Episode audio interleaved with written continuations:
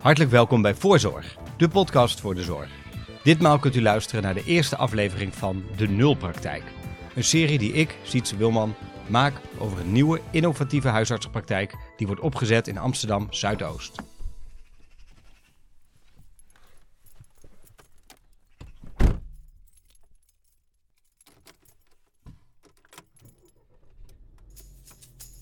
Het is een mooie dag in het voorjaar van 2022. Ik ben op weg naar het Amsterdam UMC, locatie AMC. Daar heb ik een afspraak met twee huisartsen die een nieuwe praktijk opzetten, een zogeheten nulpraktijk. Dat wil zeggen dat ze bij nul beginnen. Ze hebben nog geen patiënten, nog geen locatie, nog geen ICT-structuur, helemaal niks. Het is de bedoeling dat het een innovatieve praktijk wordt, een huisartsenpraktijk 2.0 zo gezegd. Ik vraag me af, hoe pak je zoiets aan en wat levert het op? Dat ga ik volgen in de podcastserie De Nulpraktijk. Dit is aflevering 1, de bouwplaats.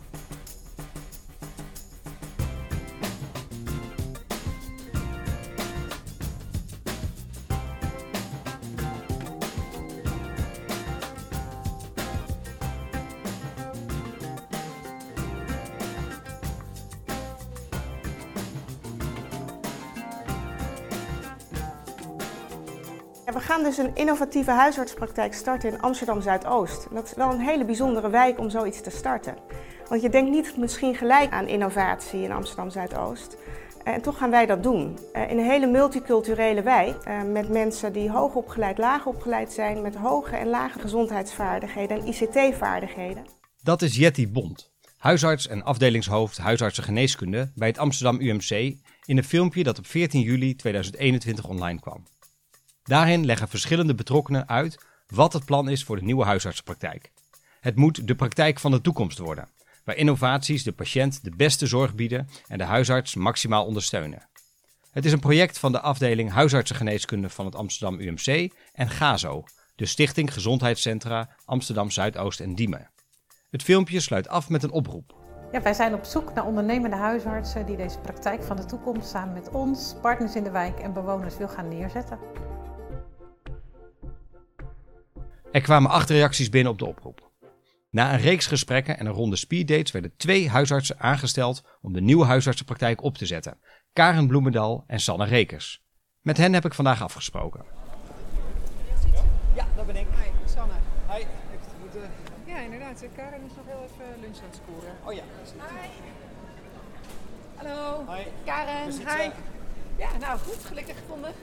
Ja. Het Boeteplein eh, werd, eh, dat was duidelijk. eh, Ja, dat kent inderdaad iedereen. Ja, hè? ja, het is eh, bekend.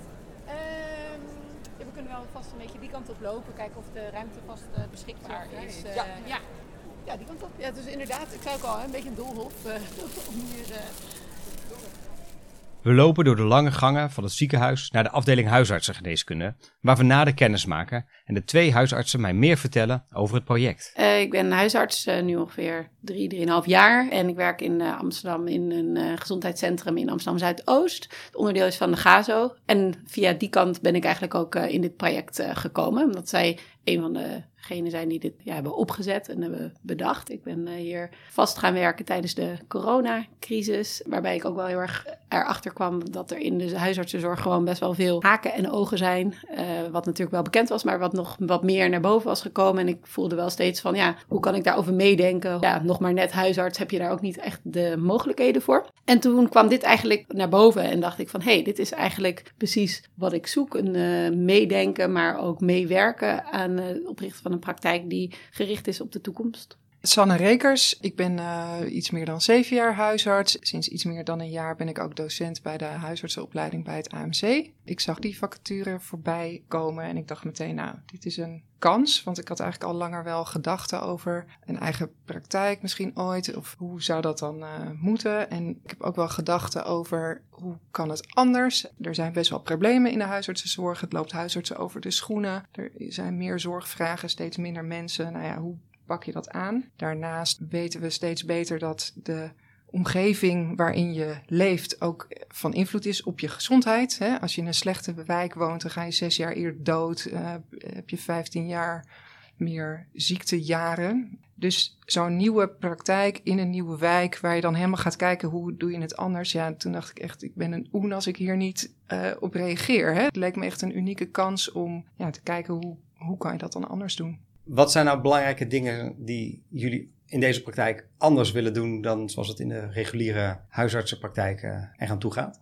Uh, er zijn dus heel veel personeelstekorten, maar je ziet ook dat er heel veel meer technologieën zijn. Dus wat je eigenlijk hoopt is dat wat extra tijd kost, dat je dat kan vervangen voor technologische instrumenten of snufjes die ervoor kunnen zorgen dat, dat de zorg soepeler loopt, dat het makkelijker is voor de patiënten. Maar wat wij er heel erg belangrijk aan vinden is dat, uh, dat de patiënt wat meer controle krijgt over zijn eigen gezondheid. Wij kunnen niet alles meer voor de patiënt oplossen, dus heel erg belangrijk om hem de tools te geven om zelf uh, meer inzicht te hebben, meer kennis, meer uh, gezondheidsvaardigheden, om zo uh, zichzelf eigenlijk gezonder te houden. Dus dat is een van de dingen die we heel erg belangrijk vinden. We denken dat veel dokters misschien wel hun patiënten onderschatten. Ik denk dat patiënten misschien wel veel meer kunnen dan we denken. Ja, 100 jaar geleden waren we vooral bezig met de infectieziektes. En nu is het leeuwendeel waar je mee bezig bent, zijn chronische aandoeningen als je als patiënt je ziekte goed begrijpt, weet waar het over gaat, wat je zelf kan doen, dan hoef je dus veel minder vaak naar de dokter te komen. En ja, wij denken dat je, dat je rol veel meer coachend kan zijn dan uh, behandelend. Nou ja, en dat daar misschien best wel uh, winst is te behalen. Dus daar willen we echt goed naar kijken. Kun je een voorbeeld geven van een technologisch hulpmiddel waarvan jullie denken van ja, dat is precies zoals wij het ook voor ons zien. Dat willen we graag gebruiken. Ja, bijvoorbeeld die, uh, de Freestyle Libre voor diabetespatiënten. Dat is zo'n zuignap op je linkerbovenarm. Er zit een app bij en dan kan een diabetespatiënt de hele dag door met die telefoon, met de smartphone, gewoon de, de, suiker, uh, zijn eigen suikerwaarde weten. Levert heel veel op, namelijk dat die patiënt begrijpt: oh, als ik nu appeltaart heb gegeten, oh, dan schiet ik omhoog. Als ik nu een broodje pindakaas met komkommertjes heb gegeten, oh, blijf ik eigenlijk lekker uh, stabiel goh, wat zou ik vaker moeten doen? dat je daar zelf uh, een beetje zelf daar feedback op krijgt als patiënt en, uh, ja, en daar dan dus ook mee aan de slag kan. En dus veel minder vaak die praktijkondersteuner, die natuurlijk vaak die diabetes behandelt, of je huisarts voor nodig hebt. Dat leidt ons inziens echt tot empowerment van patiënten. Je begrijpt beter wat er met je aan de hand is en je krijgt meer tools in handen om daar zelf wat mee te doen. Nou zei je net dat je het idee had dat uh, soms de patiënt wel wat wordt onderschat. Maar er zal er ook wel een groep patiënten zijn die dit, zoals je dat nu schetst, toch nog best wel spannend vindt om zelf te doen. Of daar denk niet meer uit de voeten te kunnen. Hoe zorg je er nou voor dat dit straks ook voor alle patiënten is en niet alleen voor een bepaalde patiëntengroep die toevallig een beetje handig is met uh, digitale hulpmiddelen? Daar zit zeker een um, punt waar je heel veel aandacht voor moet hebben en ook veel moet, over moet praten met organisaties die daar verstand van hebben, zoals VAROS, uh, die weten hoe, hoe mensen daarin uh, ja, getraind kunnen worden of, in, of hulp kunnen krijgen om dat wel te doen. En de apps en de telefoon tegenwoordig zijn natuurlijk wel ook steeds gebruiksvriendelijker gemaakt, waardoor dat voor sommige mensen misschien wel aanleren is, maar daarna kunnen ze misschien wel juist meer weten dan als jij dat in 10 minuten in een huisartsenpraktijk kan vertellen. Ja. En het is ook niet dat we echt alleen maar digitaal gaan zijn en dat we zeggen, nou ja, als je dat niet kan, dan heb je pech. We willen juist de hele wijk kunnen bedienen van super digitaal vaardig en uh, super gezondheidsvaardig tot ja, mensen die gewoon je veel meer nodig hebben.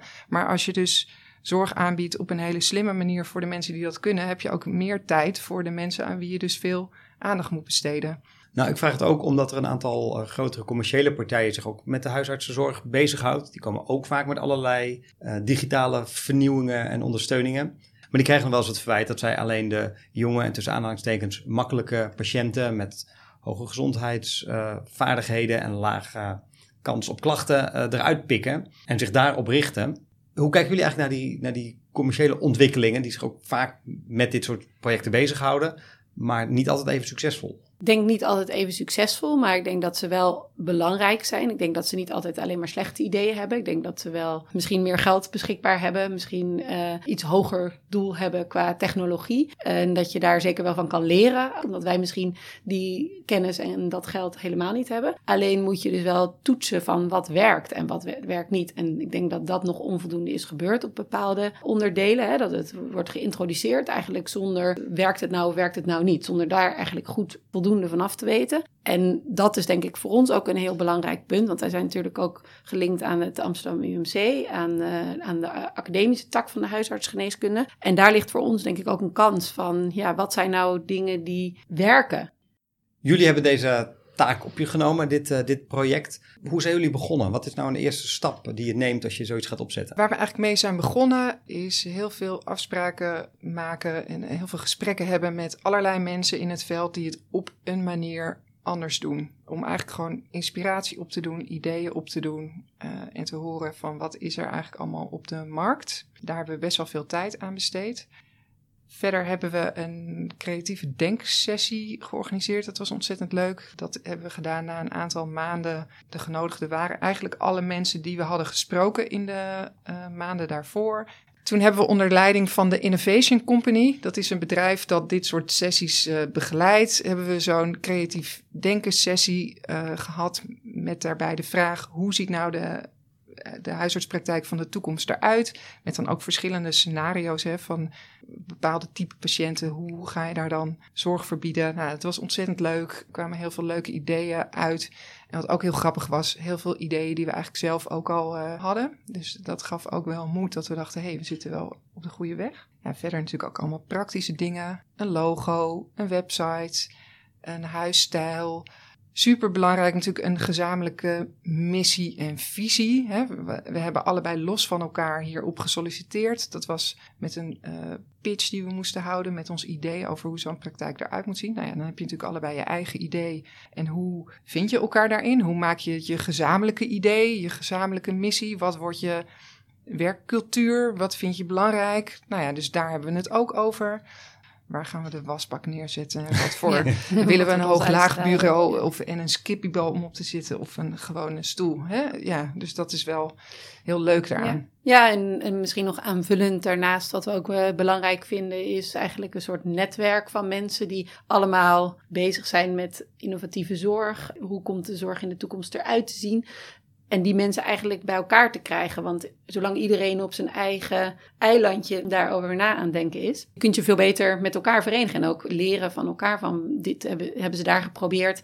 Werkte eigenlijk niet echt. Ja, dan heeft het niet zo zin om het nog een keer te gaan proberen. Dus je wil eigenlijk graag wat meer zorgen dat iedereen ja, met elkaar hierover gaat praten. En dat zou ook een van onze wensen zijn om dat levendig te krijgen. leest veel negatieve krantenberichten van het gaat niet zo goed, er, komt veel werk op ons af, het is allemaal druk. En het eigenlijk een beetje uit die sfeer krijgen, maar omdenken naar een, hoe gaan we dat dan verbeteren? Uh, dat geeft ook heel veel energie. Nou, nou zijn er best wel veel systemen en apps en toepassingen en oplossingen beschikbaar.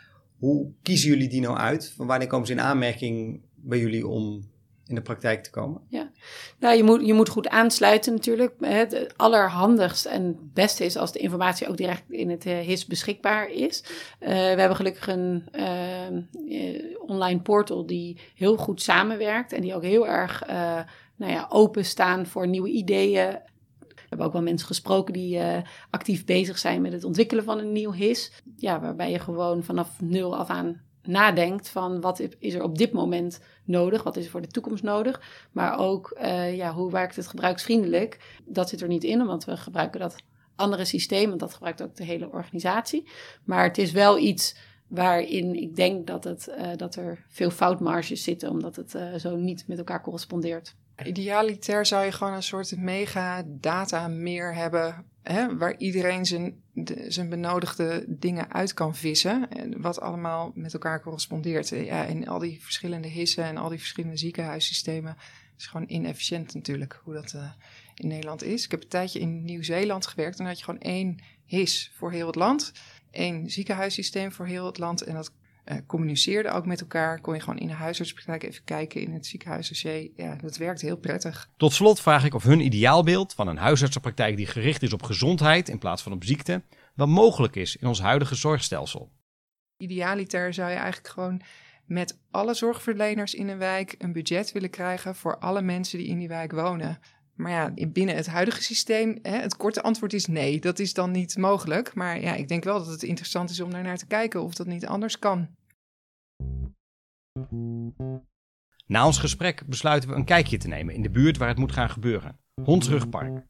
De wijk ligt vlakbij het ziekenhuis en zit tussen de IKEA en de Johan Cruijff Arena. We beginnen onze wandeling bij een van de weinige cafés tussen de hoge kantoorgebouwen. De buurt is op dit moment nog vooral een plek om te werken en daarna snel weer te verlaten. Maar dat gaat veranderen als straks de eerste mensen er gaan wonen. Er komen 15.000 woningen, sociale huur, vrije sector en koopwoningen door elkaar. In september opent de praktijk de deuren voor de eerste patiënten.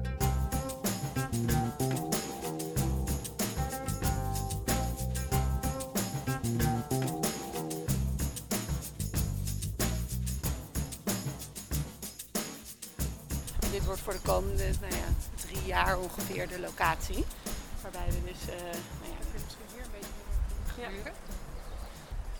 Ja, het zijn nu gewoon eh, ja, lege ruimtes met eh, kantoor uit de jaren 70. wandjes. Ja. We staan voor het pand waar de huisartsen in eerste instantie tijdelijk onderdak krijgen. Ze delen het onderkomen met de praktijk voor fysiotherapie, waarmee ze van plan zijn om nauw samen te gaan werken. Het is nu nog weinig bijzonders, maar Karen en Sanne zien volgens mij vooral de mogelijkheden. Ze vertellen dat ze graag zo snel mogelijk een grote banner aan de gevel willen hangen, zodat nieuwe bewoners meteen zien waar ze terecht kunnen. We lopen langs de treinbaan en de metro, waar groenstroken komen. De huisartsen zien al voor zich dat daar straks wandel- of sportgroepjes actief zijn. We gaan de hoek om en komen dan bij een bouwplaats, waar de definitieve locatie van de praktijk komt. Dit, dit hele terrein, daar worden dus twee mega torens gebouwd. Ik was hier een paar weken geleden en toen eh, werd er nog gesloopt. Dus, eh, ja, dus sommige gebouwen worden gesloopt, sommige worden gerenoveerd. En nou ja, hier wordt dus helemaal iets nieuws gebouwd. Waar ik normaal gesproken langs deze bouwplaats zou lopen zonder er aandacht aan te besteden, kijk ik er nu met andere ogen naar. Ik zie twee toekomstgerichte huisartsen die bij een hek staan waarachter een toren wordt gebouwd. Daar gaan hun patiënten wonen. Er komt een apotheek, een gezondheidscentrum, ze gaan er zelf werken. In hun praktijk gaan ze zorgen voor de gezondheid van de bewoners en tegelijkertijd experimenteren met de bouwstenen voor de huisartsenzorg van de toekomst. Als het goed is, kunnen andere huisartsen in het land daarvan leren en daarop verder bouwen. Alles is hier onwijs in beweging. Ik werk bij het AMC en ik fiets dan eh, ja, weer naar huis eh, in Noord eh, elke dag. En dan zie je ook gewoon elke keer dat er weer dingen zijn veranderd. Ja, ik word daar wel enthousiast van. Ja, ja. En om daar dan ook eh, deel van uit te gaan maken, ja, echt wel zin in. Het enthousiasme van de twee huisartsen voor de nulpraktijk is aanstekelijk. In de auto op de terugweg denk ik aan het antwoord dat ik kreeg op de vraag wanneer dit project voor hen nou eigenlijk geslaagd is. We zouden graag willen dat we een soort van gezondheidshub worden. Dat je mensen kunt motiveren om de gezonde keuzes te maken en elkaar daarin kunt eh, motiveren. Dus niet meer alleen een traditionele hulpverlener die zegt van nou ja, hier heb je eh, je recept en eh, succes ermee. Nou, dat concept werkt niet meer. Dit was de eerste aflevering van De Nulpraktijk, een podcast van de redactie van Skipper en Zorgvisie.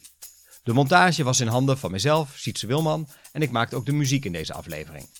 Voor de muziek aan het begin tekende Bram Brouwers. De volgende keer kunt u weer luisteren naar een reguliere aflevering van Voorzorg. Om er zeker van te zijn dat u aflevering 2 van de Nulpraktijk niet mist, kunt u zich abonneren. Een leuke review of beoordeling stellen we natuurlijk ook op prijs. Voor nu hartelijk dank voor het luisteren en heel graag tot de volgende keer.